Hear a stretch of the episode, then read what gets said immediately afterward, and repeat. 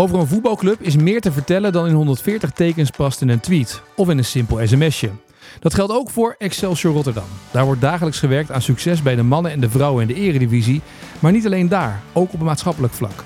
Daarover praten Daan Bovenberg, algemeen directeur, en Frank Vijgen, directeur van de Excelsior Foundation, rondom elke thuiswedstrijd van Excelsior in de Excelsior podcast. En deze week schrijft in de brasserie de doelman van Excelsior aan, de koning van de nul, Stijn van Gassel. Ons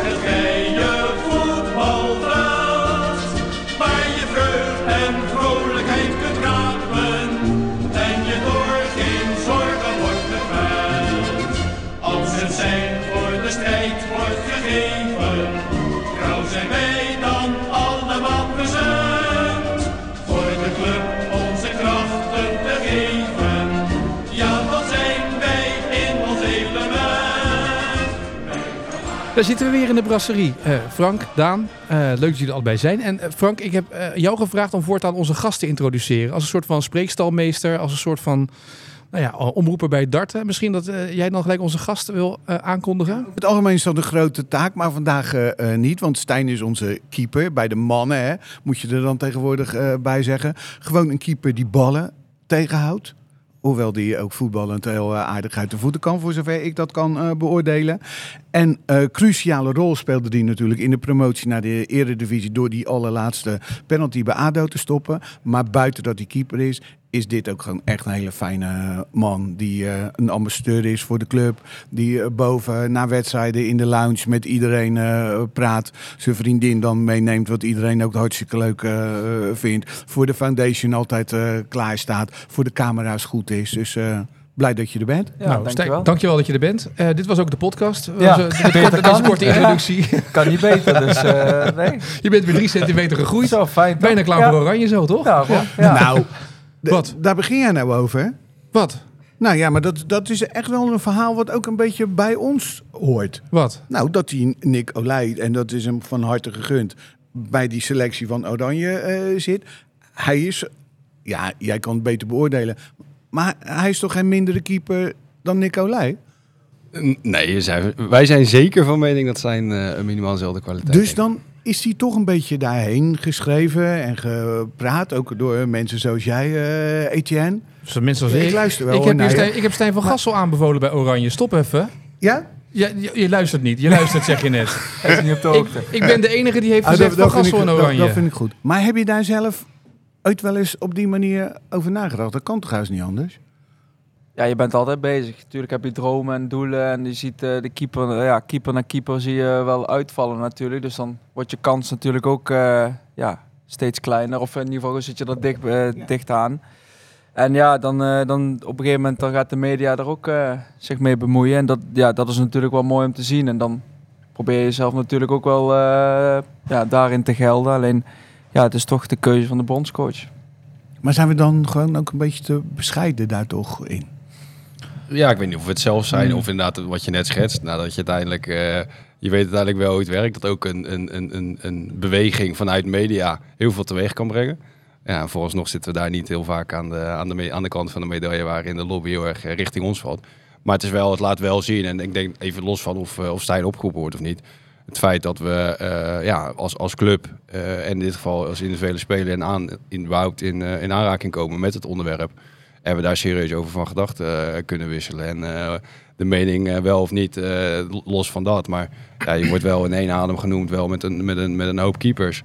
Eh, wat natuurlijk een gigantisch compliment is. Ja. En eh, nogmaals, eh, ook zeker iets om op trots op te zijn. Ja. Maar maakt het trouwens uit, die paar centimeter waar we het steeds over hebben? Want er zijn echt mensen die op Twitter dan gelijk, ook naar mij als het in de voetbalpodcast bespreken. Ja, maar hè, Olij is maar zoveel centimeter kleiner dan dit. En die is weer, dus Verbrugge is de 1,91 geloof ik. En Olij 1,88. En jij Daarom. bent 1? 86. Nou, zie je, dat is toch weer ja. 2 centimeter. Ja, maar ik In de stond, NBA is dat 2 miljoen, hè? Ja, maar ik stond wel eh, volgens mij met de wedstrijd tegen Sparta naast hem. En toen scheelde toen, volgens mij was ik iets groter zelfs. Dus dat is dan wel mooi om, Ja. eh, om te Maar je ziet wel, maar precies, dat is echt zo'n voorbeeld van waar beeldvorming en waar als iemand eenmaal iets geroepen heeft, Ja. eh, iedereen maar eh, erachteraan blijft, eh, blijft praten. En dan is inderdaad dat het vertrekpunt opeens geworden. Terwijl ja, eh, als je gewoon eh, vraagt, ja, een keeper van 1,86, sinds wanneer is die klein?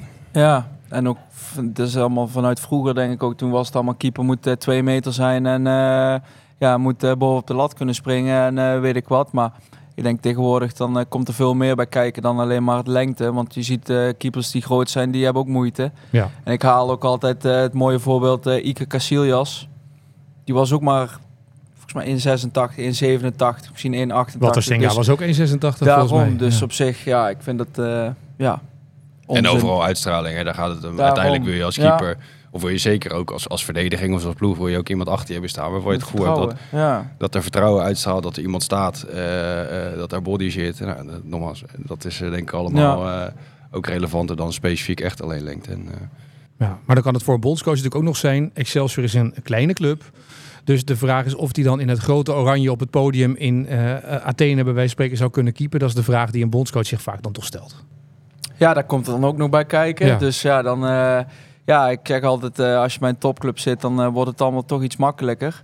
Nou, ik denk eh, met Excelsior is het al heel mooi dat je genoemd wordt. Nou, wij zijn als club zijnde of als team zijn ook groeiende. En we, ja, we, nu doen we het al fantastisch. Dus ja, misschien dat dat ook wel een reden is waarom er ook zoveel gesproken wordt. Dus ligt niet alleen aan mij, maar ook gewoon als club zijnde waar je mee bezig bent. Ja, eh, we gaan uitgebreid met je praten in deze podcast. Ook over de wedstrijd natuurlijk tegen PEC die nog eh, voor de deur staat.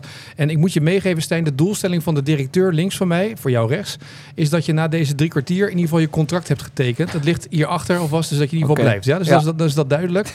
Eh, Daan, normaal begin ik altijd met, wat is het hoogtepunt van de afgelopen week? Ja. De afgelopen twee weken, maar het is nu een week.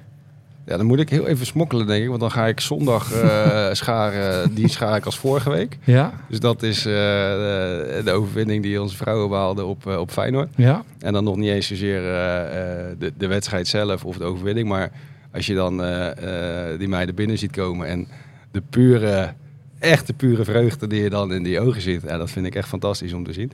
Eh, ook echt zo'n ontlading van ja, hier werken we zo hard met elkaar voor. En, eh, dat Zo. is dat, Maar het is echt heel hard gewerkt in die wedstrijd, hè? eh, en, en, en, dat, en dat zien, dat vind ik hartstikke leuk. En eh, van deze week dan eh, eh, kijk ik naar mijn overbuurman Frank in dit geval. En over het algemeen eh, staat mijn werk er redelijk vroeg, omdat ik eh, ook gewoon twee, twee jonge kindjes heb. En toch op de een of andere manier presteert hij het altijd om dat ik als ik mijn telefoon ochtends aanzeg, dat ik krijg Frank Vijg heeft je getagd in een, in een LinkedIn Dat bericht. zag ik ook weer, ja. Dus dan, eh, ja, dan eh, begint het al. Nou, benieuwd wat er, wat er gaat komen. Maar ik vond deze vanmorgen wel, eh, wel echt heel erg mooi. En eh nou, een jongetje die eh, inderdaad in het programma Playing for Success zit. En die dan Ja.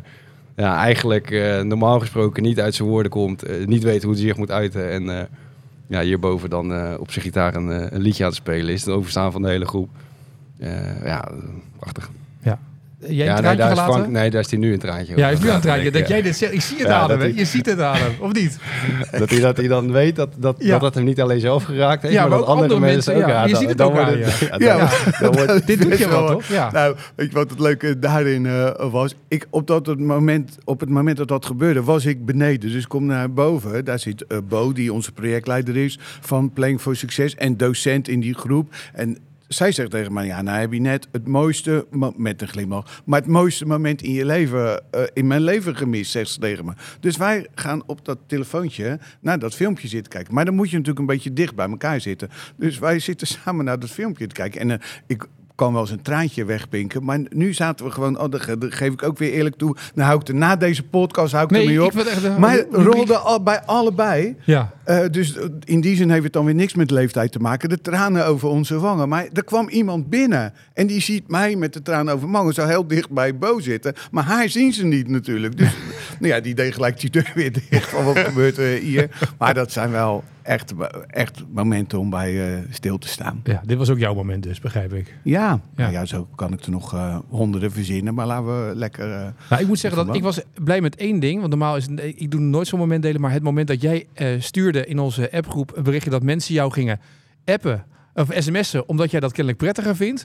Dan hebben we toch in drie afleveringen al wat bereikt. Dat mensen toch nog naar Frank gaan sms'en, toch? Ik bedoel, dat is toch... Ik werd ook gebeld door, door een van onze sponsoren, Ad Bakker. En toen nam ik die telefoon op. Hij zegt, ja, dat was de bedoeling niet. Ik belde je alleen maar om die voicemail... eh, Die was heel af te luisteren. Dus we, we maken wel iets eh, los. Nou, dat is fijn om te horen. Eh Stijn, wat is jouw hoogtepunt eigenlijk van de afgelopen eh, twee weken? Want je bent even vrij geweest Ja, natuurlijk. twee weken alweer. Ja. Ja. ik was net al aan het bedenken toen je het zei van was mijn hoogtepunt geweest. Maar we waren zoeken naar spontaniteit. Hè? Ja. Maar het was mijn vrije weekend. Ik ben net verhuisd. Dus eh, ik denk eh, dat was wel een hoogtepunt. Dat eh, weer lekker nieuw settelen in, eh, in Rotterdam. Ik woonde voorheen ook in Rotterdam. Maar weer nu een nieuwe, nieuwe stap gezet samen met mijn vriendin. Dus eh, nee, lekker eh, verhuisd. eh, alles ingericht. Eh, nou ja, dan zie ook nog stiekem eh, de dames heb ik ook op televisie heb ik aangezet. Dus dat is wel mooi inderdaad wat er allemaal loskomt. En dan zie je ze op social media allemaal... 100 berichten posten. Dus ik denk wel dat het wel ook mooi is waar, waar hun mee bezig zijn. En ja, dat wij er ook gewoon lekker naar kijken. Dus Ja, Waar ben je gaan wonen dan, Stijn? nu in Noord. Ja, dus in Rotterdam-Noord. Ik woonde voorheen hier in de Esch.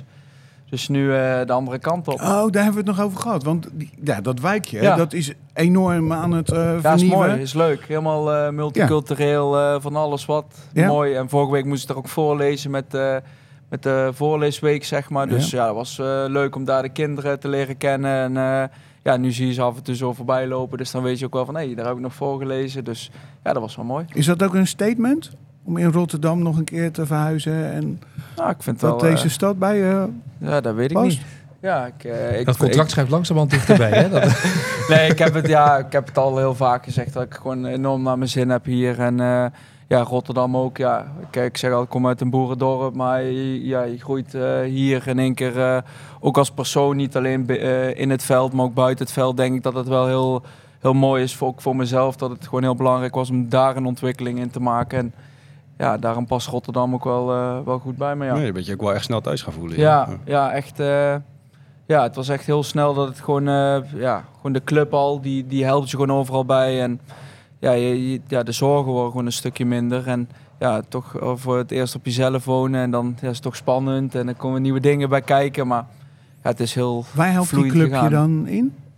Ja, ik- alles, alles wat, wat je nodig hebt als speler. Ik, ik, ja, ik zal niet snel eh, vragen aan de club, maar ja, eh, met onze teammanager natuurlijk, Dennis, die, eh, die altijd voorop staat. Die helpt met zoeken, met voor, voorheen zeg maar, met appartementen te zoeken van... hey, dit hebben we, dit hebben we, dus kijk eens rond. helpen met misschien een gebied, een richting op waar je, waar je wil wonen of wat, wat je wil. Dus ja, ik, overal wordt wel over nagedacht en dat is wel, dat is wel heel fijn, ja. maar dat was je dus niet gewend. Nee, nee ja, ik kom van... Als je eh, thuis woont. of- ja, ja, van precies, thuis ja. wonen, Ja. Dan, eh, ja, en dan zie je eigenlijk een beetje van hoe jongens zich voelen als ze zich van buiten afkomen. En in Helmond, ja, ik speelde bij Helmond Sport natuurlijk. En dan zie je hoe jongens zich dan voelen van hey, eh, op jezelf, alles zelf regelen. Er komt toch wel wat bij kijken. En ja, nu ga je zelf maken die stap en dan, ja, dan zie je, van, zie je het in één keer van de andere kant, ja. Dus dat is wel mooi. En je zegt net, ik ben ook gegroeid, persoonlijk gegroeid toen ik hier naar Rotterdam ging. Op welke manier ben je dan hier? Waaraan merk je dat? Ja, het, is, ja, het was vanaf dag één al direct, zeg maar. Gewoon direct, eh, ja, het is gewoon heel zwart-wit, zo is het. En eh, ja, daar moet je het mee doen.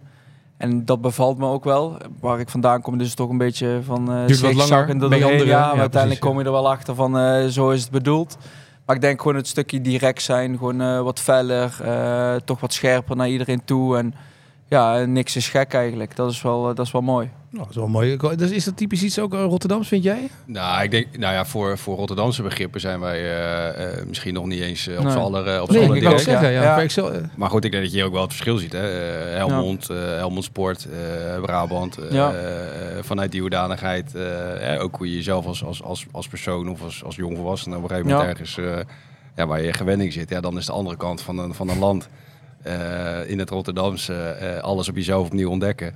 Ja, dat is denk ik best wel eventjes eh, even aanpoten of aanpassen. En eh, andersom ook. Ik heb dat zelf ook ervaren als je speler bent. Als je dan toch weer naar een nieuwe stad of een nieuwe omgeving want bent. Utrecht bleef je hier toch, of niet? U- Nee, Utrecht heb ik gewoon, Nijmegen heb ik ook Oké, gewoon. ja. En eh, ja, altijd heel gek, want zo'n land als Nederland, dat is natuurlijk eigenlijk hartstikke klein. Ja, Maar, eh, Maar toch is merk je gewoon van oprecht het verschil. verschil Ja. van eh, hoe mensen in de wedstrijd zitten. En ehm, ja, dat is best wel een bijzondere ervaring. En dus denk ik ook heel verrijkend voor jezelf, als, als, als, als, ook als speler. En dat is een van de dingen waar we natuurlijk hier eh, heel erg naar kijken en ook oprecht in geloven. Dat ja, de ontwikkeling die je als mens buiten het voetbal maakt, die neem je mee als speler in het veld. En ik denk dat je ook, zeg maar, ja, bijvoorbeeld bij jou ook wel heel erg goed ziet dat je groeit als, als, als mens, als persoon. En daarmee groei je ook, zeg maar, gewoon, gewoon binnen het veld. Juist. De, de houding, eh, het vertrouwen, het gedrag. eh, ja, de- ook je wereldbeeld en je opvatting waar je voor staat en hoe je dat uit. Ja, dat zijn allemaal dingen die, eh, die je wel ervaart door, eh, door gewoon eh, de grote mensenwereld in te trekken. En ik denk dat dat hartstikke goed is. Ja, wat heb jij dan geleerd van Utrecht of Nijmegen? Wat neem je mee dan? wat heb je toen meegenomen? Nou, ik heb ik, ja, meer, de, meer, andere, meer de andere kant van de, van de medaille. Dus ik ging van, en met name merkte ik in, in Nijmegen is weer een hele andere, een hele andere cultuur. waar je iets meer neigt richting, nou goed, wat jij misschien ook wel herkent aan die kant. Dat het juist weer wat minder, wat minder direct is. Eh, Utrecht was voor mij alweer een, een hele andere ervaring. Omdat je kom je opeens midden in de stad waar ook echt die ene club eh, de club is waar alles en iedereen eh, naar kijkt. Dus daar valt ook Maar een ook heel... een rauwe club is dat? Hele rauwe club. Maar ook daar valt ook weer een heel stuk van je anonimiteit weg. Ja, daar moet je echt wel even, even aan wennen. Als je hier in Rotterdam, ook als speler van Excelsior, wat dan ook rondliep. Ja, je hebt Feyenoord, je hebt Sparta, je hebt weet ik het hoeveel mensen die uiteindelijk bekend zijn van... maar ja, als je als speler van Utrecht in het centrum van Utrecht woont... eh, ja, moest ik best wel even wennen dat dat eh, ook wel betekende dat eh, ze ook wisten... Waar je boodschappen deed, wanneer je boodschappen deed en... eh, Overberg. en en. En, en hoe je, en hoe ze je moesten vinden, zeg maar. Dus ja, dat is wel... eh, ja. Nee, die bal, die je, die bal die je toen terug speelde. Hè? ja, nou, dit zijn de lieve varianten. Ja. Dat lijkt me ook wel. Wat mij opvalt als in jouw verhaal, eh, in dit geval, Stijn, is dat jij... Je kijkt naar de dames, je bent bij eh, de, de bijzondere eredivisie geweest. Eh, je bent eh, voor iemand die niet is opgegroeid bij Excelsior en die pas een paar jaar speelt... eh, klink je wel al, dat merkte ik ook toen die docu maakte over die promotie naar de eredivisie. Je, je, bent, je klinkt al bijna als een ervaren clubman die hier al twintig jaar speelt. Ja ik, ja, ik heb altijd wel heel belangrijk gevonden, niet alleen het voetbal, maar ook gewoon wat er rondom de club speelt, zeg maar. Dus ik, ik zet me altijd in voor, voor de club buiten, buiten het veld. Dat vind gewoon en leuk om te doen, niet om mezelf daarin eh, te, te promoten, dat totaal niet. Maar ik vind het gewoon leuk om ook met die kant bezig zijn. En met de foundation, dat vind ik gewoon fantastisch. Met die kinderen, als je daar kan helpen, blije gezichten. Ook met bijzondere Eredivisie natuurlijk, als je ziet die dag, ja, is fantastisch. Dan, ja, dan eh, kwam ik misschien eh, drie uur thuis of twee uur thuis. Maar ja, dan, dan heb ik het wel voor over om daar 's ochtends, 's ochtends te staan. Ja, en ja, dat is gewoon hoe ik ook een beetje ben. Ik vind het gewoon leuk om, eh, om, om betrokken te zijn bij, eh, ja, wat ik al zeg, buiten het voetbal. En daar inzet te tonen. Ja. Dus eh, dat, dat vind ik gewoon leuk om te doen. Je bent toen de halve dag opgetrokken hè, met de Ja. keeper van Ja. ons G-elftal in die bijzondere Richard, eredivisie. ja, mooi. Hoe was dat? Ja, leuk. Die, ja, die, die weten natuurlijk niet wat er, wat er gebeurt dan. En dan ja, werd als verrassing mocht ik, mocht ik hem komen, komen trainen. Of in ieder geval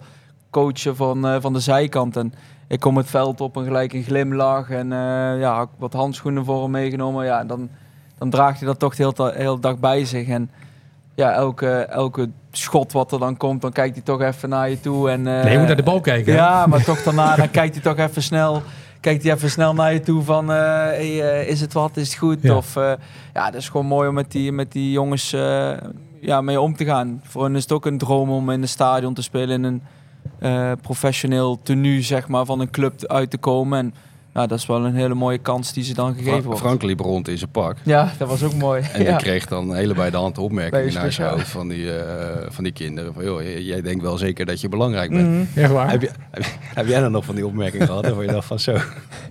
Ja, veel mee moet Ja? ik zeggen. Ja, ja, ja. Je, je wordt, ze weten veel, moet ik zeggen. Dat is Ja. wel heel bijzonder dat ze echt alles weten. Dus dan eh, komen ze af en toe een keer met een goal die dan eh, maanden geleden is gevallen. Of die misschien nog volgsseizoen, die hun dan weten. Dan denk Zeg, ik, ah, als je toen dat gedaan had, dan had je hem gehad. juist, ja, precies. Ga goed dat je een paar tips krijgt. Ja, dat is ja, wel, dat is maar dat is wel heel bijzonder, want het wordt wel, ze weten alles van je. En dat is eh, echt een heel sterk geheugen. En dat is wel, eh, wel grappig soms. Dan denk je, oh ja, kloten, daar heb ik ook nog meegemaakt. Dat klopt, ja, dat was ik eigenlijk al lang vergeten. Die heb ik, die heb ik, ja, net- Had je net verwerkt, weer naar de sportpsycholoog, Ja, ja, dat weer te precies, verwerken, uithuilen en door. ja, Ja, ja. precies. Ja. Ik ben ook benieuwd wanneer Frank weer in zijn pak rondloopt. Ja. eerlijk zeggen. Durf jij dat nog of niet in een pak rondlopen op Ja, deze maar dat is toch geweldig als iemand dat eh tegen je eh, Hij gaat het nu expres doen, denk ik.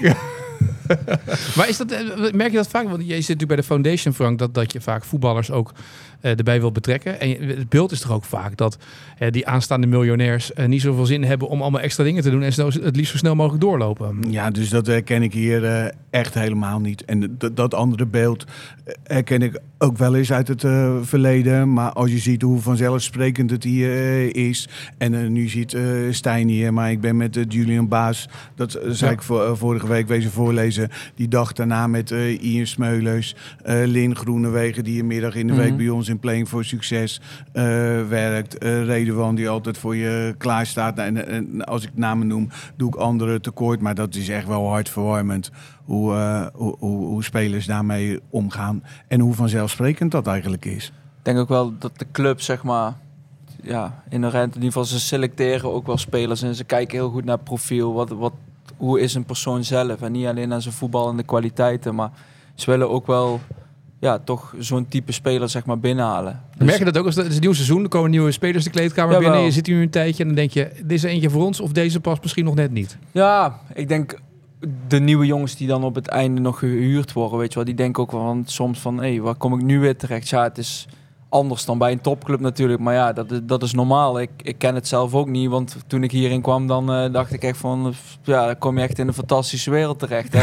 Was ik allemaal niet gewend, eh, ja, bij wijze van een lunch of een, een ontbijt, dat was ik allemaal niet gewend. Maar ja, die jongens komen dan, van de top komen ze dan in ieder geval terug hier Ja. en dan eerste week eens even aanpoten. Maar dan zie je wel dat ze daar een hele mooie groei in maken. En dat ze daarin ook sociaal heel, heel sterk worden. En dat, is, dat vind ik ook wel heel bijzonder en mooi om te zien hoe, hoe jongens zich daarin ontwikkelen. Ja, Wat is de grootste groei die jij hebt doorgemaakt als keeper hier bij de club in de afgelopen drie jaar?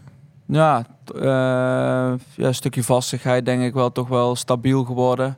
Als keeper zijnde dat dat wel heel belangrijk is. Dat ik daarin ook mijn groei sneller kon maken. En natuurlijk vertrouwen, dat, dat, dat is altijd fijn om van een trainer te hebben. En eh, je probeert eh, altijd belangrijk te zijn, maar eh, ook weten waar je krachten zijn. Dat heb ik ook wel vooral eh, geleerd. En niet zomaar dingen gaan doen waar je eigenlijk mm, ja, niet goed in bent, maar in ieder geval waar je nog eh, beter in kan worden. En ik denk een stukje stabiliteit dat het wel belangrijk is. En klopt ook dat je dat, dat uittrappen met je rechterbeen, op de manier zoals ik het zie, dat dat elke keer beter lijkt te gaan? Ja, ja, ja, spelers of spitsen die weten toch van eh, hij is linksbenig. Dus ja, en daar, daar kan hij toch wel, eh, wel goed mee trappen. En daarom heb ik ook, eh, zijn we wel flink aan het trainen om, om mijn rechterbeen nog beter te krijgen. Want ja, op zich, voor mij maakt het niet uit of het links of rechts is. Maar ik, ja, je wil altijd verbeteren en je wilt altijd beter worden. Dus dan is het wel mooi dat het nu allemaal goed uitpakt, ja. Dat doe ik er allemaal gewoon nog bij, hè? Want dat deze analyse ook en zo. Je geeft ook de tips toch, begrijp ik hier. Als Dijkhuis een week vrij is, dan, dan Ja. doe jij, jij het over, of niet? Trekt hij zijn pak aan. Ja, denk je Gaat hij langs het veld Voor de wedstrijd. ja, mooi. Ja, en, dan, en, soort, en komt hij tot de constatering dat Stijn links is. Nou, Ja. hij is steeds op Nou. rechts inspelen. vind ik wel knap, ja. Ja, maar goed, dat is wel goed toch? Natuurtalentje. Ja, dat is ongelooflijk. Maar dat is wel, het is wel mooi om te zien, want je komt, je komt binnen bij zo'n club en je, je ontwikkelt je. En nu hebben we, het, we begonnen deze podcast over het Nederlands elftal natuurlijk. Als je het dan hebt over persoonlijke ontwikkeling in een paar jaar tijd. Ja. Ehm, maar, maar neem eens mee in een dag, zeg maar, wat vaak denken mensen, oh, die trainen die voetballers twee uurtjes en dan is het klaar, zeg maar. Maar wat, wat doe je nog meer? Wat, wat, wat- hoe ziet zo'n dag eruit voor jou? Ja, we- hebben natuurlijk verschillende trainingsdagen. Dus de- net als vandaag heb je eigenlijk een lange training. Heb je 's ochtends op het veld, heb je, of in ieder geval je bent om half negen ongeveer op de club, negen uur ontbijtje. Ga je om eh, half elf trainen tot, eh, ja, wat is het, half één soms. Eh, soms twaalf uur. Dat ligt er gewoon aan wat voor training je hebt. Want je hebt ja, ook wat pittigere dagen waar je, waar je wat, wat harder traint en eh, toch een prikkel krijgt. En dan heb je smiddags vaak nog een krachttraining. Dus ja, we zijn ook twee keer in de week zijn wij pas om eh, ja, vier uur, half vijf een keer klaar. Dus dan, dan heb je gewoon heel je dag gevuld. Maar net als een, eh, een halve dag, dan heb je vaak een prikkel gehad. Of een dag voor de wedstrijd, dan heb je Ja. maar één training natuurlijk. Die is wat, wat rustiger. Maar dan ben je ook gewoon met herstel bezig. Of in ieder geval ook met jezelf. eh, fysiek ook weer herstellen. krachttraining voor jezelf doen. Rekken, strekken, wat dan ook. Dus ja, je bent wel eigenlijk heel de dag met voetbal bezig, moet ik zeggen. En beelden kijken van de spitsen Ook tegenover je. Is dat iets wat ja, je... je, je, je krijgt natuurlijk eh, van na de wedstrijd natuurlijk je feedback. Ja, ik zit al met, eh, met de keeperstrainer Ronald natuurlijk om, eh, om beelden te kijken van hey, hier kan je misschien iets anders staan of, of beter. Of let hierop of dit gaat juist goed waar we, waar we juist mee aan het trainen zijn. Dat je, dat je hey, dat is mooi dat er dan weer iets uitkomt van de, van de trainingen waar je dan misschien op de training wat, wat meer succes in kan behalen. En dan, dat is dan wel mooi dat je eigenlijk beloond wordt in de wedstrijd. En Ehm, nou, dan ga je eigenlijk alweer eh naar de standaard situaties kijken van de volgende tegenstander. eh, kijken hoe de spitsen zijn. eh, ja, dat allemaal. Dus Maar waar let je op dan als je naar de spits... Kijk je naar bewegingen, do- doelpunten die ze maken? Ja, je kijkt naar doelpunten, naar kansen. hoe lopen ze zeg maar vrij? komen ze vaak eerste paal. Dus dan wordt voor mij de positie, positie wordt natuurlijk ook alweer anders om in de goal te staan. Maar ja, je moet altijd wel gefocust blijven op hoe een spits zich beweegt. Dus als je al, al wat informatie hebt van tevoren, dat is natuurlijk al mooi meegenomen. Een scanner noemen ze dat geloof ik hè, in voetbal. Ja. Als je de top haalt. Dat je goed overzicht hebt waar ja, iedereen loopt. niet alleen en naar de bal. Ja. Ja. je moet niet alleen Nou ja, naar de bal en, en je kijken. onderschat denk ik ook wat de, de toegevoegde waarde is van voorbereiding. Ja, dus dat je inderdaad gewoon eh, dit soort... En ik denk dat je wat dat betreft over de jaren heen ook wel je begeleiding en je staf ook eh Ja. hebt ziet veranderen. En, Ja. en, de, en de mogelijkheden die daarin ontstaan. En niet alleen met Ronald natuurlijk, maar ook ja, eromheen. Op het moment dat je gewoon goede analyses kan maken, goede beelden kan hebben... Mhm. eh, goed voorbereid zijn op, op wat komen gaat. Ja, dan is dat denk ik ook een hele belangrijke toevoeging aan jezelf als, als keeper. Hoe je ook gewoon ja, je, je wedstrijden beleeft. En, eh, Ja, en goed opgesteld en staan in de van staan. basis, Ja. toch? Ja, als je weet dat de bal komt vaak bij de eerste paal, dan moet je daar ook staan. En Precies. niet, Ja, precies. Maar als je al goed voorbereid inderdaad het veld in gaat, dan word je natuurlijk al, eh, ja, dat, dat scheelt gewoon al heel veel. En wat je al aanhaalt, Daan, met, met de staf natuurlijk, ja, die is in, ja, dus nu mijn derde jaar, die is al, al, jaarlijks wordt die veranderd. Maar alleen maar in een positieve zin wordt die veranderd, want er komt iemand nieuw bij met, met beelden die, eh, ja, had niemand nog ooit van gehoord dat het allemaal kon, weet je wel. En dan is het mooi dat je, dat je zo de feedback krijgt. En ja, het is niet altijd leuk om feedback te krijgen natuurlijk eh, in een negatieve zin, maar het wordt, je, het wordt wel, je wordt er wel sterker van, je wordt er beter van, je gaat dingen herkennen en denk dat het wel mooi is in de stap die, eh, die ze nu aan het maken zijn binnen de technische staf. Dat, ja, het is niet voor niks dat je nou, eh, nou goed doet in de competitie. En is wat er nu staat, Daan, is dit wat het ideaalbeeld benadert? Of zijn er nog hele grote wensen in die samenstelling van die staf? Nou, niet zozeer de samenstelling als wel, denk ik, als je kijkt. En, en ook daarvoor geldt, als we kijken naar eh, eh, de ontwikkeling en, en hetgeen wat je, wat je wil realiseren, is dat je heel bewust kijkt naar welke karakters heb je zitten, welke kwaliteiten heb je er zitten, ja, wat ontbreekt er nu of waar wil je toegevoegde waarde hebben. Eh, zijn er functies die voorheen eh, dubbelfuncties bij wijze van spreken waren of mensen die verschillende dingen bij elkaar deden? Nou, dan krijg je altijd een suboptimale situatie. Dus wij zijn wel heel bewust elke keer weer aan het scannen van nou, wat gaat er nu goed? Waar zit eigenlijk behoefte om meer te doen? Of op andere invulling? Ja, wie past daarbij? Ehm, en dan kan het soms zo zijn inderdaad dat iemand, eh, ondanks het feit dat hij, dat hartstikke veel dingen goed doet, maar dat het, momentum en de ontwikkeling en de positie waar je staat als staf en wat je wil bieden richting je groep gewoon weer vraagt dat daar een nieuwe impuls eh, aankomt. En dat kan op, op, op eh, vaste basis zijn. Maar het kan ook zijn dat we eh, ja, op zoek zijn naar mensen die van buitenaf, die van inuur, op een inhuurbasis zeg maar gewoon objectief eens een keertje naar de situatie kijken of spiegelen of een inspirerend verhaal vertellen. Of ja, je bent wel constant met elkaar op wat bezig. voor mensen denken we dan? Nou, bijvoorbeeld eh, vorig jaar hebben we in een, eh, in een fase waarin eh, ja, we, we een hoop wedstrijden verloren. eh, hebben we bijvoorbeeld Mark Lammers een aantal keren ingeschakeld. Nou, die is iemand die vanuit ongelofelijke positiviteit ja, de boel weer benadert. En, en, en dat vind ik ook, dat is ook goed leiderschap in zijn totaliteit. Is dat je constant mensen weer in sprikkels voorziet om eh, ja, eh, vanuit een andere benadering of een nieuwe invalshoek gewoon weer uit te dagen. Wat doen we nou met elkaar op dagelijkse basis? Klopt dat nog? Eh, moeten we iets extra's doen? Moeten we iets nieuws erbij doen? En ik denk dat ja, ook zo'n, en met name ook de, de, de technische staf in de, in de meest brede zin. nou, daar geldt uiteindelijk ook de wisselwerking met medisch, maar ook alles wat eromheen zit. Je teammanager, je, je materiaal. Dat moet gewoon met elkaar praten. Dat moet elkaar aangesloten staan. We gaan nu weer werken met. We hebben nu iemand aangenomen die eh, ook de performance kant helemaal eh, weer aan, in gaat vullen, aan gaat vullen. Nou, video Wat betekent dat? nou, dat je, je ziet dat op het raakvlak tussen eh, medische kant, de voetbaltechnische kant, maar ook de, de kant van ja, oké, hoe ga je om met data? Wat zie je voorbij komen in, in statistiek? Hoe interpreteer je dat? Hoe vertaal je dat? Hoe, ver- hoe breng je dat terug naar, naar trainingsvormen? Ja, daar zit gewoon een enorme, enorme ontwikkeling. Een enorme, eh, ja, dat is een positie die bij ons eh, deels werd ingevuld, eh, half werd ingevuld, van buitenaf werd ingevuld. En je ziet nu gewoon dat de behoefte aan om daar gewoon regie op te brengen. Hoe train je, hoe belast je, op welke moment ga je met, met verschillende lichamen, met verschillende karakters of, of types om.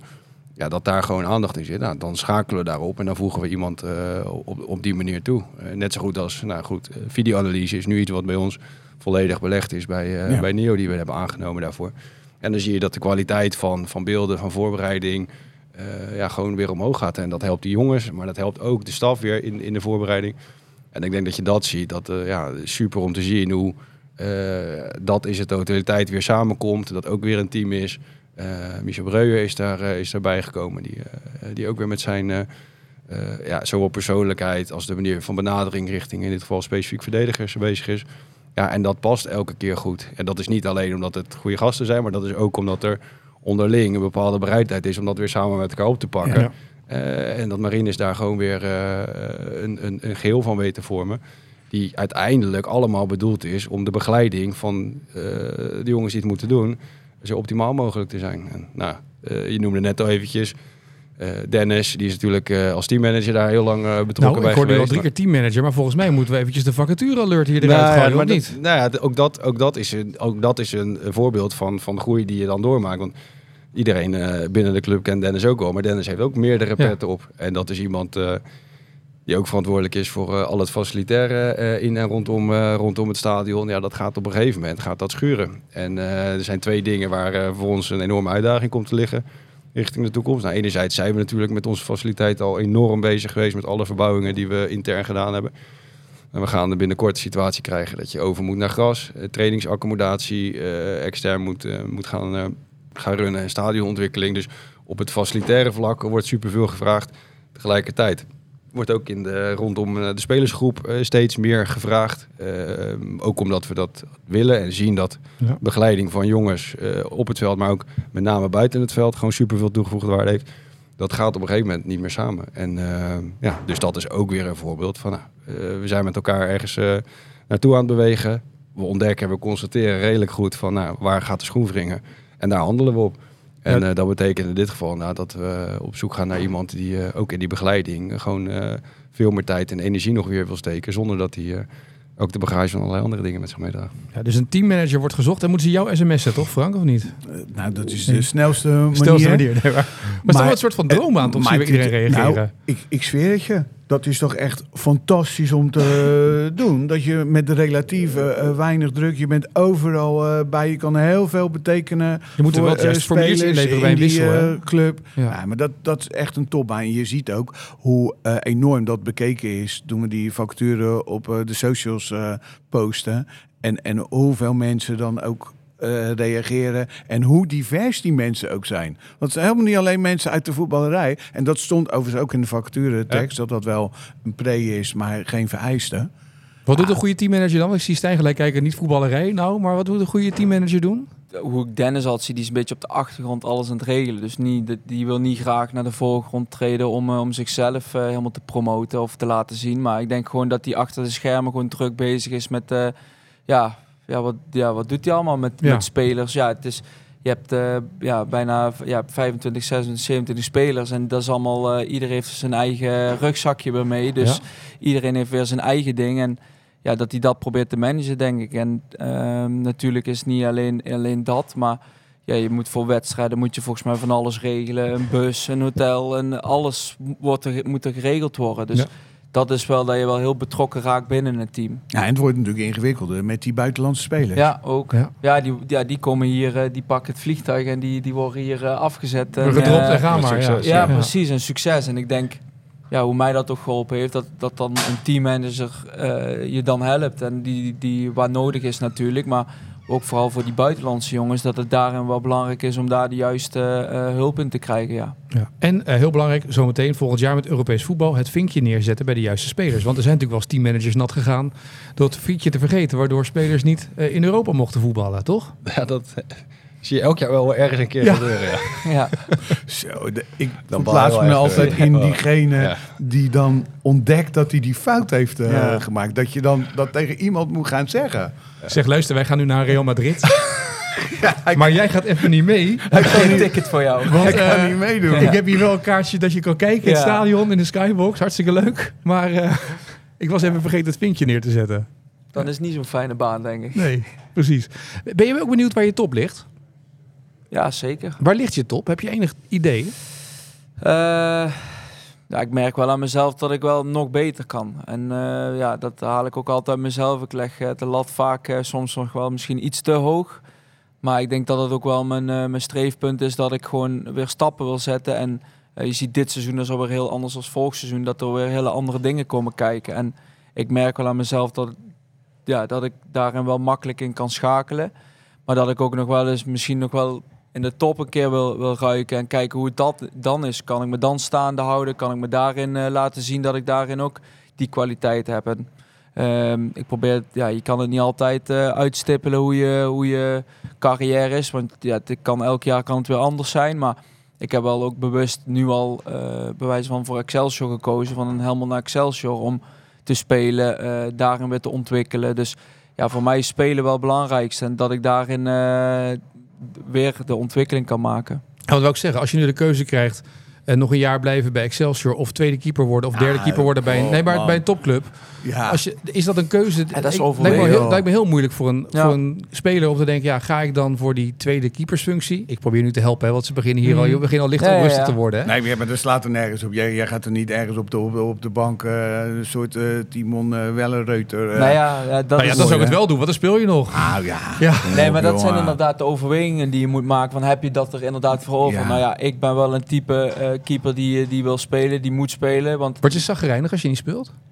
ja, ik wil liefst alles spelen. Ja, dat Ja. is wel eh, ja, dat is, eh, wat ik graag wil. Dus ja, ja het, het- ik vind het niet fijn om eh, op de bank te zitten. Nee, ja, het is nu eh, lang geleden natuurlijk. Maar ja, als je dan jong bent en je mag ruiken aan het, eh, ja, aan het betaald voetbal, dan op een gegeven moment dan, dan wil je niet meer anders. En dan, eh, dan wil je gewoon voor elke wedstrijd wil je gewoon, eh, wil je er gewoon staan en helpen waar kan en jezelf laten zien. Ja. Ja, maar dan is het dus vooral, eh, wat, wat komt er op je af de komende maanden? ja. Want een, een tweede keepersfunctie is leuk, maar als je wil spelen, dan heeft het niet zo heel veel zin, toch? Nee, Je kan zeker. beter hier blijven. Ja, dan, ja, ja, dat is al wat ik, wat ik altijd zeg. Ik wil gewoon spelen. Dus dat is wel wat je, wat je ja, op tafel gaat leggen. Kijken van, hey, dit, dit zijn de mogelijkheden of niet, of wel. Of wat, waar ligt je gevoel? Ik ben ook wel echt een gevoelsmens die, die echt zijn gevoel nagaat. En dat vind ik gewoon belangrijk. Als, als de stap bij me past, dan, dan of, of niet, dan, eh, dan doe ik het gewoon niet. En anders wel. En ja, dat is gewoon eh, echt eh, puur op mijn gevoel afgaan. Ja. Het lijkt me Daan wel lastig. Hoe manage je dat? dat de, de spelers gaan nu beter spelen. Er komen, je staat vijfde in de Eredivisie, je staat bovenin, draai je mee.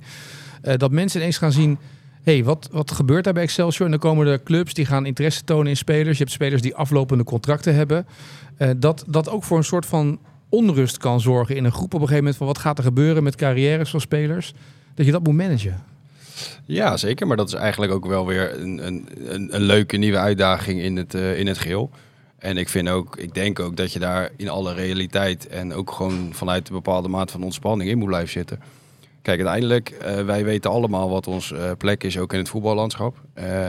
Wij hebben als club, zeker ook op het moment dat we jongens binnenhalen, gezamenlijk de doelstelling om eh, ja, daar een succesvolle periode van te maken. Nou, dat betekent ook dat Excelsior niet per se, sterker nog, in veel gevallen niet je, niet je plafond zal zijn. Dus op het moment dat daar eh, een hele mooie ontwikkeling plaatsvindt en er komt een mooie nieuwe club, een mooie nieuwe stap die voor beide partijen goed is, dan moet je daar gewoon in, in, in meebewegen en, en, met elkaar aan meedenken. En eh, ja, als wij, neem maar een voorbeeld, we promoveren, maar eh, Mats eh, Wiever die gaat naar Feyenoord. En je ziet Wiever vervolgens bij Feyenoord presteren. Eh, Je ziet hem in het Nederlands elftal. Ja, dan denk ik dat je als club in elk opzicht hele goede zaken gedaan hebt. Ondanks dat je net zo goed elke week kan denken... ja, liep die jongen maar nog bij ons rond. Dat Ja. zou het- dus het enige wat je wil en wat je hoopt... is dat uiteindelijk op het moment dat je ja, niet in een situatie terechtkomt... waarbij ja, je een, een, een substantiële eh, eh, sportieve verbetering voor ogen hebt... Ja, dat dan inderdaad wel de tendens wordt... ja, maar wacht even, eh, daar ga ik niet voor... Dan blijf ik inderdaad hier. Eh, weet ik wat ik heb. Omdat, en dat is niet van de, alleen van deze tijd, maar mijn ervaring is wel, dus zeker ook jongens die de afgelopen jaar, twee jaar niet voor ons gekozen hebben, ja, er niet bepaald beter van geworden zijn. En ik denk dat wij ook met een hele hoop spelers gesproken hebben die uiteindelijk ja, de keuze niet voor Excelsior gemaakt hebben. Eh, en ik denk dat die steeds meer jongens zich achter de oren krabben van shit, dat had ik wel moeten doen. Eh, dus de twijfel en de onzekerheid over de propositie van Excelsior, die, die, is er, eh, die is er op de een of andere manier altijd. En ik denk dat wij jaarlijks weer bewijzen dat we daar niet bang voor zijn. En dat we gewoon met de mensen die we in huis hebben, en dat bedoel ik aan de voorkant, onze scouting, in combinatie met Niels en, en Marines, en aan de achterkant gewoon in huis binnen eh, de staf die we hebben, wat we hier, eh, wat we hier met elkaar doen dat we echt gewoon een hele leuke omgeving hebben voor jongens om, eh, om zich gewoon als professional, als mens, eh, met de club in zijn totaliteit te groeien.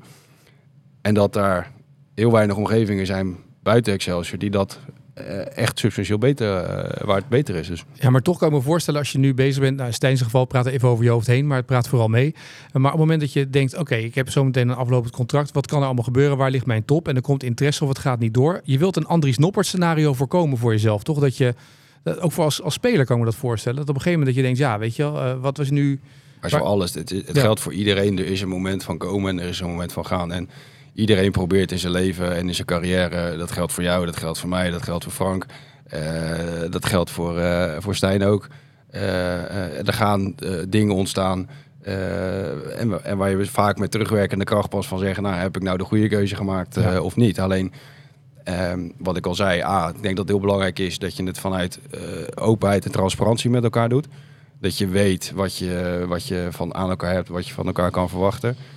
En dat op het moment dat eh, eh, ook maar enigszins twijfel is, ja, gewoon het besef op plek 1, 2 en 3 staat van ja, maar het gras is niet altijd groener. En eh, dat geldt niet overigens alleen voor spelers. Hè, want we hebben genoeg mensen die eh, de afgelopen 1, 2, 3 jaar ook eh, op andere manieren een stap uit de club gemaakt hebben. Ja, ik moet degene nog tegenkomen die daar blij van geworden is, als ik eerlijk ben. Nou, ja, dus Want het is, een, het is een heel dun lijntje tussen de gedachte eh, dat het met Excelsior zo goed gaat omdat jij zo goed bent. Eh, en en de, de omgekeerde eh, gedachte dat het met jou zo goed gaat omdat Excelsior zo'n goede omgeving voor je ja, is. teams winnen prijzen natuurlijk, zeggen ze toch altijd. En, die daar mensen. Zijn Daarom. inderdaad Ja, echt heel veel voorbeelden van. Ja, Ja. Ja, en dat is, en, en, in die, en dat is nou echt zo'n voorbeeld waarvan, als we de afgelopen jaren pakken en het inzetten wat wij doen op, op, de, op de wensen die we binnenhalen, maar de structuur die we wegzetten, dat is allemaal gericht om wel ja, investeren in onze cultuur.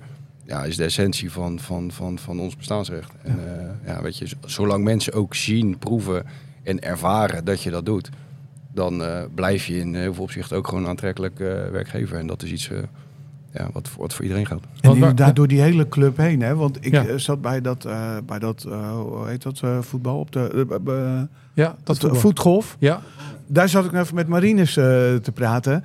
En daar hebben we het over hoe hij op de manier zoals Daan net eh, zegt die staf samenstelt. En eh, hoe dat er dan eh, uitziet. Maar dat lijkt heel erg op hoe dat bij die foundation gebeurt.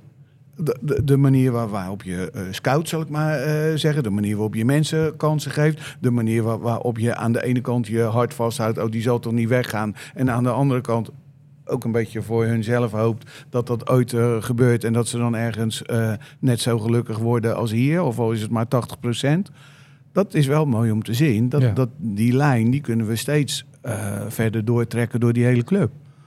Wat Daan net zei ook, het verhaal naar spelers toe. Hè? De ene speler kiest wel voor Excelsior, de ander niet. Jij hebt gekozen voor Excelsior. Dan, dan ben ik benieuwd. Wat is het verhaal waarvoor je gevallen bent? Want het, ik neem aan, dit soort gesprekken eh, worden vaker gevoerd.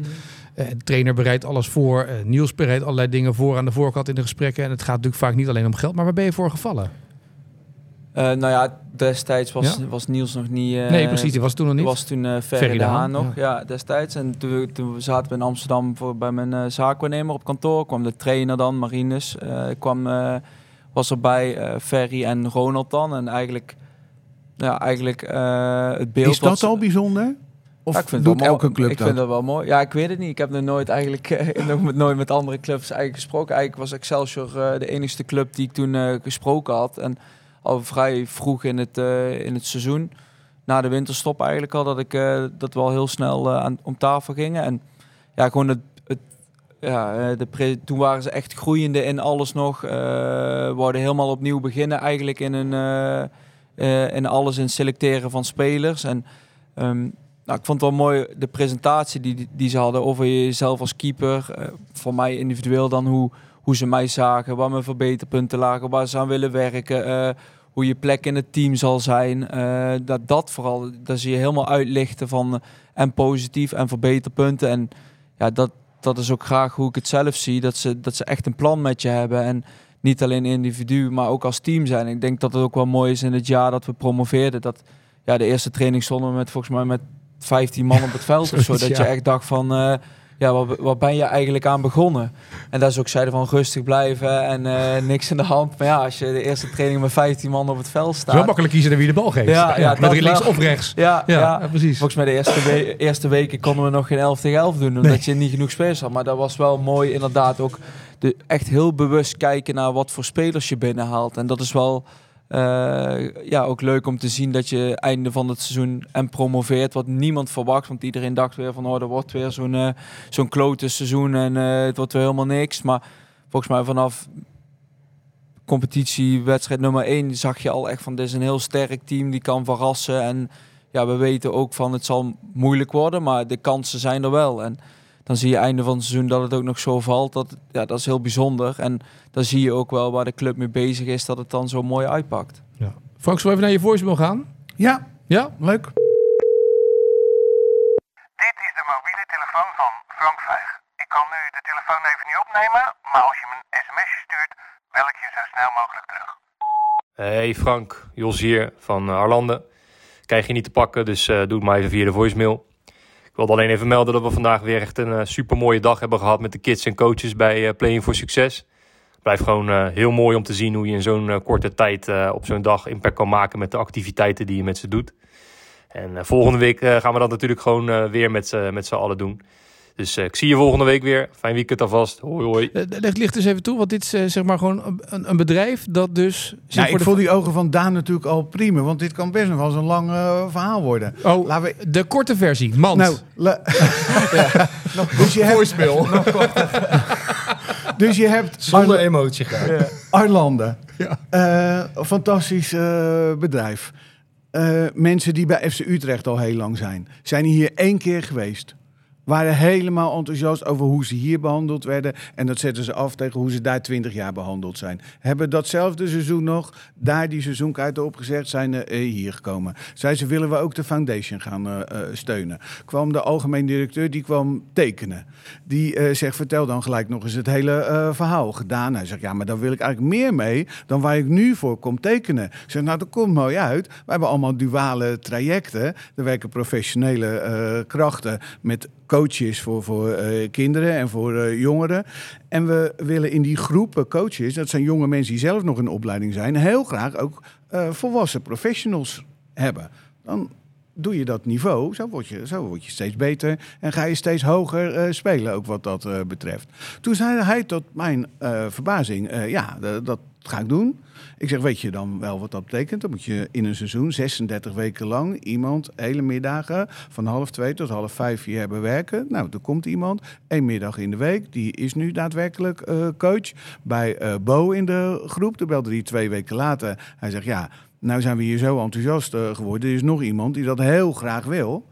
En eh, die is ook gekomen. Nu zijn ze eh, met z'n. Die- Dat bedrijf doet daar een enorme investering in. Dat bedrijf is gewoon een uurtje factuurtje fabriek, om het eh, zakelijk te zeggen.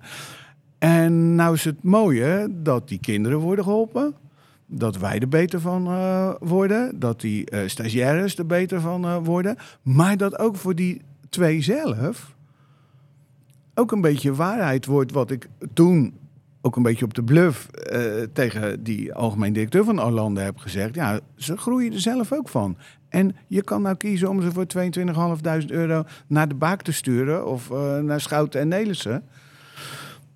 Maar iedereen leert als je met kinderen aan de slag eh, gaat, die je kan helpen om zelfvertrouwen te krijgen, om hun weerbaarheid eh, te vergroten, hoe je daarmee moet communiceren. Dat alles wat ernaast zit gelijk ook echt helemaal eh, fout is. Dat je het allemaal in één keer goed moet doen. Ja, de energie die ze erin stoppen en de liefde en, en, en, de, en de punctualiteit, de discipline, nou, dat is echt wel heel bijzonder. Viel best mee. Was- eh, Is dit de korte versie? Dit is de korte versie. Die man van de Arlanden, die heeft hier drie uur gezeten. Dat was ronde 1. Ja, precies. Toen moesten nog twee mensen. Die directeur van Arlanden zegt tegenwoordig, bel zelf Frank maar als je daar wil werken. Maar mooi, mooi dat het zo werkt en dat het zo gaat, toch? En dat mensen op die manier eigenlijk zich maatschappelijk inzetten. Het is ook een beetje toch een maatschappelijk betrokken ondernemer, noemen ze dat toch? In plaats van Ja, maatschappelijk dat, maar het is natuurlijk ook hartstikke mooi dat er sponsoren in je club eh, Ja. komen die ook op een andere manier wat willen betekenen. En, en daar ook gewoon eh, pijn voor willen leiden in financiële eh, zin. Ja. En, en, maar dus eigenlijk ook hetzelfde voelen als wat, wat, wat, wat spelers of, of mensen voelen op mensen op komen solliciteren. Dus je merkt gewoon dat, eh, wat je net schetst, ja, zo'n partij die stapt hier binnen en die krijgt toch een andere benadering of veel meer de, de menselijke interesse echt gewoon eh, eh, in het geheel. Dan inderdaad het zien als een zakelijke transactie en eh, eh, dank voor de centen en eh, tot over twee jaar als je contract afloopt. En weet je eh, wat ook nog mooi was? Toen we in eerste instantie met elkaar in contact kwamen, toen had je... Nu komt de lange versie. Ja, precies. Ik, ik vrees Nou het ja, ook maar wel. dat is ook een kort. Voor- maar voor maar toen had je Utrecht Excelsior. En dan gingen we met een ploegje heen. Ook een eh, ploegje mensen van de foundation. Ik sta met die man eh, te praten. Maar zij zien mij eh, met hem praten. En één voor één komen de mensen gewoon eh, niet geregisseerd of zo, maar gewoon uit belangstelling tegen die man. Oh, ik, zie, eh, ik zie jullie eh, praten. Ja, ik ben die en die. Ik doe dat en dat. En wat doe jij? Die, die man zegt, ik sta hier al twintig jaar bij dat FC Utrecht. Er is nog nooit naar mij, iemand naar mij toegekomen. Komt Sander Fiesje aan, zegt, zal ik een biertje voor je halen? Nou, dat doet Van Zeuberen maar- doet dat niet. Hè? Nee. Maar eh, nee, eh, Nee. hij zegt, het is mijn eigen club. En dan nooit iemand aan me gevraagd. Ja. Maar graag, nou ja, en zo... eh, Het mooie is van deze podcast dat ze bij Utrecht nu ook luisteren. En dat Ja. ze denken, we gaan volgende week even al die sponsoren een biertje Ja, aanbieden. precies. We gaan heel anders nu te ja, maar dat is allemaal niet zo Nee. makkelijk. Want het gaat, daar hebben wij vanmorgen echt serieus over zitten praten. Het is geen trucje of zo, of een Nee. verkoopstrategie. Maar je moet zorgen dat het van binnen komt. En daar mensen eh, bij elkaar eh, zoeken die, Ja. die dat allemaal graag eh, willen en die dat voelen. En als je dat voor elkaar krijgt, Nou, ja. ja, dan kom je een heel eind. Waar gaat dit team eindigen, eh Stijn? Waar gaat dit Excelsior Ja, eindigen? Want eh, ja, nu... De korte versie. Nou, Europees voetbalpunt. Europa. Nee, ik denk, ja, je bent er echt fantastisch onderweg natuurlijk nu. Dat, ja, de- en iedereen spreekt al voor eh, Europees voetbal, maar wel als team zijnde, we weten zelf ook dat, eh, dat nummer 1 sowieso handhaving is. 34 punten zeggen ze dan altijd, hè? Ja, rondom eh, ja, die punten ongeveer. Maar in Hebben ieder die nou geval? Of, eh? Bijna. je bent goed onderweg, maar nee, dat is gewoon het belangrijkste. En daarin ga je gewoon kijken van, hey, eh, richting de winter denk ik van, eh, kijken waar, waar, ja, wat er nog allemaal in zit, wat nog meer in het vat zit. En tuurlijk, eh, je wil beter als vorig seizoen, dat is natuurlijk logisch. Alleen, eh, nou ja, je bent gewoon op de goede weg. En dat is, dat is gewoon heel mooi dat je daar in de ontwikkeling van het afgelopen jaar nu in één keer eh, een keerzijde krijgt. Dat je nu al, eh, al bovenin meedoet. Wat, wat al heel bijzonder is voor de club. Ja. Maar de, de- vorig jaar was het natuurlijk zo'n serie van negen wedstrijden. Ja, Waarbij het een beetje, dat doet negen nederlagen op rij. En Ja. voetbal is een beetje het uitsluiten van die enorme dalen. Klopt. En, en hoe ga je Maar dat voorkomen? Ik denk dat, het, dat je nu al ziet dat hoe, eh, na het team zijn dat in de breedte al heel erg gegroeid is. Dat je Ja. veel stabieler bent. Dat je achterin gewoon al eh, meer rust krijgt. Wat, wat zekerheid hebt. En vorig jaar was het gewoon dat, dat er uit het niets, zeg maar, eh, kreeg je 1-0, kreeg je tegen. En dan werd het 4-0. Ja, en dan, dan was je het helemaal kwijt naar die 1-0. En nu zie je als je 1-0 achterkomt dat je het nog om kan zetten naar, naar bij wijze van 2 in winst. Of je wint in één keer 3-0 uit bij, bij Heerenveen. Zeg maar. dat, ja, dat is niet, geen toeval. Dat, dat is gewoon geen toeval. En vorig jaar elke uitwedstrijd was het gewoon... eh, ja, hopelijk eh, kun je er een punt uitslepen. En dan, eh, Ja. dan, dan heb je toch in ieder geval een punt uitgehaald. En nu kijk je gewoon heel anders naar het team.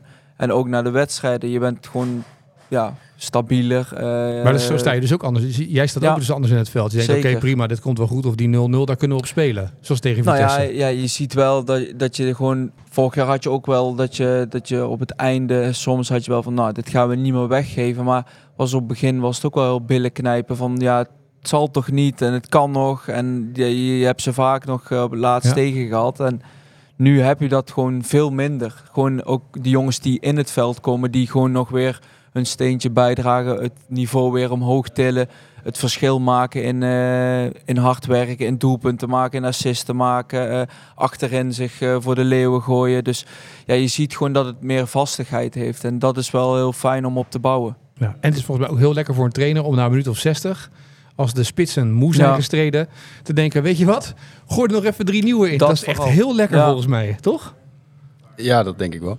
En eh nogmaals, ook dat tekent. Hè. Dus de, de groep is inderdaad eh, breder geworden. En onderschat dus ook niet dat iedereen die er vorig jaar ook was, gewoon ook in een jaar tijd eh, gewoon een betere speler weer wordt. De nieuwigheid is eraf, je, je ervaring ja, en, en wedstrijden spelen, dat doet gewoon veel met, met de kwaliteit ook van, van de spelers. En ik denk dat ja, iedereen die er vorig jaar was, tikt een hoger niveau aan. Jongens die erbij komen, eh, zijn weer van een hoger niveau. En je breedte is, eh, van je selectie is, is, is beter. Nou, de begeleiding van, je, eh, van alles eromheen is weer beter. En ja, enerzijds is dat hartstikke mooi en hartstikke positief. Maar ja, ook weer aan ons om ervoor te zorgen dat ook die ontwikkeling zich, zich door gaat zetten. En ja, dat vraagt ook van alles eromheen. Om ook gewoon vanuit uh, eredivisieniveau te denken en te handelen. En daarin je stappen te zetten. En, ja, dat eh, is een spannend proces, maar wel leuk. Ja, precies. Op naar komende, komend weekend. Pek. Pek Zwolle. Nou, Ja. drie punten, toch? Nee, zo... eh, Ja, dan moet je dus, nu gaat toch daar wel mee in. Nee, ik heb eh, toevallig vanochtend met de kracht in hang nog Ja. even over met wat jongens van ja, we moeten niet, nou niet gaan denken inderdaad dat elke wedstrijd eh, dat we daarvoor eh, drie punten krijgen of in, ieder, of in ieder geval dat, we de, dat het makkelijk zal worden. Want we weten gewoon dat, dat elke wedstrijd gewoon hard, hard werken is, vechten eh, voor elke bal. eh, en dat we gewoon iedereen weer, weer nodig hebben. Dus ja we, ja, we weten dat we kans hebben. Dat we gewoon een grotere kans hebben dan, eh, dan, dan dat je voorheen misschien gedacht had. Maar we moeten onszelf ook niet onderschatten, nee. En wie bewaakt die scherpte dan? Want je zegt, we hebben het er vanochtend met een paar jongens over gehad. Ben jij iemand die in de kleedkamer dan ineens even met de vuist op een Nou. eh, kastje slaat en zegt... en nu is het klaar? En, of... Nee, dat, maar ik moet zeggen, dat valt wel mee hoe, de, hoe dat bij ons gaat. Maar het is vooral ook onderling. En dan, dan probeer je met, met een, ja, niet een vast groepje, maar je probeert gewoon iedereen erin mee te trekken. En ik denk eh, de trainer dat het een mooi voorbeeld is die het altijd alweer eh terughaalt aan, eh, aan iedereen met de besprekingen van luister, eh, elke wedstrijd zal, zal vechten zijn, maar eh, weet dat je niet kansloos bent. Dat vooral. Mooi. Kijk naar jou. Hebben we alles behandeld? Jij hebt hele draaiboeken gemaakt altijd. Heb je alles in je hoofd afgespeeld of we alles doorgenomen Nou, hebben? de verjaardag van Stijn is eh, een Morgen. beetje eh, ondergesneeuwd gebleven. Ja, maar dit, als we deze podcast gaan uitzenden, dan is het waarschijnlijk de dag van Stijn's verjaardag. Dus ik vond het een beetje lastig zeg maar, hoe we Ja. dat dan moesten... ja. Want we nemen nu op dinsdag op. Maar je bent Ja, morgen jarig. Morgen jarig, ja. Maar we waren dus te vroeg voor het gebak, begrijp ik hieruit. Ja, klopt ja. Jij, jij mist wat, zeg je. Ja, Ja. morgen weer terug. Ja, Ja. moet je morgen weer even terugkomen. Wat moet je doen met je verjaardag in de kleedkamer? Liedjes zingen of niet? Nee, dat Nee? niet. Nee, dat, dat, ja, ik hoop wel dat ik een beetje verwend word. Maar je, Maar, hebt, je, eh, je hebt gehoord hoe betrokken die is bij de hele club. Dus hij komt ook niet meer weg met alleen tracteren voor de groep. nee, precies. Nee, dat nee, wordt wel, heel zeg maar, bedankt. dat is Ja, wel voor ja. heel de club Al die kinderen Ja. ook. Ja. Ja, dus ja, ik, eh, bij de foundation. ik ben morgen nog even bezig. Dus, en we eh, hebben nog een vacature, hè? Oh ja. Eh, bij de Excelsior Academy. Ja, zeker. Ehm, een van de dingen waar we een heel nadrukkelijk natuurlijk op inzetten, eh, dat heb je al vaker gehoord eh, in de andere afleveringen, maar ook in, in het verhaal hier, hè, de, de, de ontwikkeling en de groei van, van, van, van mensen en kinderen die eh, centraal staat. Eh, daarvoor hebben we heel bewust gezegd van, ja, we willen meer doen dan alleen eh, voetbaltechnisch-tactische ontwikkeling of een eh, functieontwikkeling. Eh, maar we kijken over de hele linie. Hoe kunnen we mensen inspireren? Hoe kunnen we mensen eh, eh, ja, toch weer een, een, een nieuwe prikkel of impuls geven? We zijn vorig jaar begonnen met eh, wat we zelf noemen de Excelsior Academy, waar we eigenlijk een, een, een eh, concept lanceren waarbij eh, we heel nadrukkelijk kijken naar de persoonlijke groei van, van mensen. De verschillende doelgroepen die we, die we intern hebben. Of het nou mannen zijn, of nou vrouwen zijn, of nou staf is, of het nou personeel is, of het nou jeugdtrainers zijn, of het nou jeugdspelertjes zijn, waarbij we verschillende elementen hebben gehaald van nou, wij vinden nou dat wij als, als, als werkgever of als, als hier onze mensen in mee moeten nemen. En dat begint bij een stukje self-awareness van wie ben je, Eh, hoe reageer je in groepen, wat is je rol, wat is je positie daarin. Eh, gewoon het, het kennen van jezelf. Er zit ook een element in waarbij we heel erg nadrukkelijk willen nadenken over oké, je eigen merk. Eh, hoe profileer je? eh, hoe kijk je richting de toekomst? Eh, je carrière. eh, ook hoe profileer je op, op social media? Eh, financieel. Eh, ben je in staat om, eh, weet je wat er binnenkomt, wat er uitgaat. Eh, maar weet je bijvoorbeeld ook hoe je pensioenopbouw eruit ziet. Hoe je aan huis komt, hoe je dat financiert. En ook het, het, lifestyle aspect aan zich. Eten, slapen, voeding. Nou, dat hebben we best wel breed omarmd. Waarbij we met name in eerste instantie binnen onze jeugdopleiding zijn gaan kijken. Nou, we doen vanuit de foundation een hele mooie samenwerking dus tussen de club en de foundation. Waarbij we met de foundation in de, nou, de tranches van Playing for Success bijvoorbeeld al heel veel mooie programma's hebben liggen voor kinderen die van extern komen. Waarvan we eigenlijk ook gezegd, ja, het is eigenlijk gek dat je eh, kinderen van, van scholen eh, naar binnen haalt. Maar een heel groot deel van je eigen Excelsior-familie zijn de jeugdopleiding of je sportclub, waar ook heel veel kinderen lopen die problemen hebben. Eh, hoe gaan we dat nou bundelen? Hoe gaan we dat nou koppelen? En hoe gaan we er nou voor zorgen dat jongetjes en meisjes die bij ons in de opleiding zitten, die willen we opleiden voor betaald voetbal. Maar op het moment dat ze afvallen, eh, we in ieder geval alles aan gedaan hebben dat ze ook maatschappelijk landen. En dat heeft enerzijds eh, te maken met het feit dat ze eh, op het moment dat ze hier zijn, dus ook allerlei andere dingen meekrijgen en leren dan alleen het voetbal, voetbaltechnische stuk. En anderzijds, op het moment dat ze inderdaad te horen krijgen dat ze weg moeten of afvallen, ja, dat we een, een vangnet hebben om ze, om ze ook ja, de maatschappij op een goede manier weer in te sturen. En daar zijn we eigenlijk op zoek naar iemand die ja, vanuit pedagogisch onderwijsachtergrond, eh, maar ook de voetbalkant en de, de, de dynamiek in een, in de opleiding wel kent. eh, ja, dat stukje uit wil, eh, uit wil rollen met ons. Wat denk ik een hele mooie, mooie functie is. Dus enerzijds combinatie maatschappelijke ontwikkeling en anderzijds wel heel dicht bij de kern van, van voetbal en in dit geval onze opleiding zitten. Ehm, dus daar zijn we ook nog op zoek naar. Dat is een vrij lange introductie, een beetje ve- Vegiaanse introductie van een vacature, hè, zeg maar. Ja, je bent maar op zoek naar iemand en dat is... Geef niet, maar Frank, je mag niks meer zeggen nu, hè? Fra- Fra- Frank heeft me geleerd dat de context eromheen altijd belangrijk is. Je kan niet gelijk zeggen, ja, we hebben vacature, klaar. Moet- Mensen moeten wel weten waar ze op inzetten. Ja, dat is waar. Samengevat, een Taal. van de belangrijkste, nee, een van de belangrijkste eh, projecten die we doen, die heel dicht tegen onze roots aan eh, Ja. zitten. Echt een van topbaan in alle aspecten raakt het van heel die eh, voetbalclub. En inderdaad, die pedagogisch didactische achtergrond en een voetbalachtergrond en keihard aan de slag eh, willen hier in deze club. Mooi. En die mensen kunnen mij nou wel. Die kunnen jou sms'en. Ja, want nou Ja. ben je natuurlijk geneigd om op de... Dit is zo vers, dit staat nog niet eens op de Nee. website. Dat gaan we één deze dagen doen. En dan komen we er op de socials mee naar buiten. Maar als je niet kan wachten, eh bel Appen, mij dan gewoon appen even. of bellen. Spreek de voicemail in van Frank. SMS'je. Ja. SMS'je mag ook. En dan, eh, wie weet, zit je in Nee, de maar dit, is, dit is wel serieus. Dit me gewoon appen of Nee, eh, bel me op. En, eh, Je hebt iemand nodig die dat eh graag wil fantastische kansen. Lijkt Ja. me mooi. Eh Stijn, we zijn een uur verder. Hebben we een beetje overtuigd dat je volgend jaar gewoon blijft of nog niet? Even, je- moeten we de eerste zaakwaarnemer even bellen? Doe dat maar. Dat is denk ik belangrijk. Nee, nee alles is wel eh, Snap is gezegd. Ja, goed. mooi. Ik wens je een mooie eh, wedstrijd, mooi seizoen. Dankjewel. Kom nog een keer terug eh, met alle mooie verhalen. Leuk. En eh, dan eh, gaan we op naar eh Pek thuis. Ja. En dan spreken jullie over een kleine twee weken weer voor de volgende. Tot dan. Tot dan. Fijn met jonge stoere knapen, ons land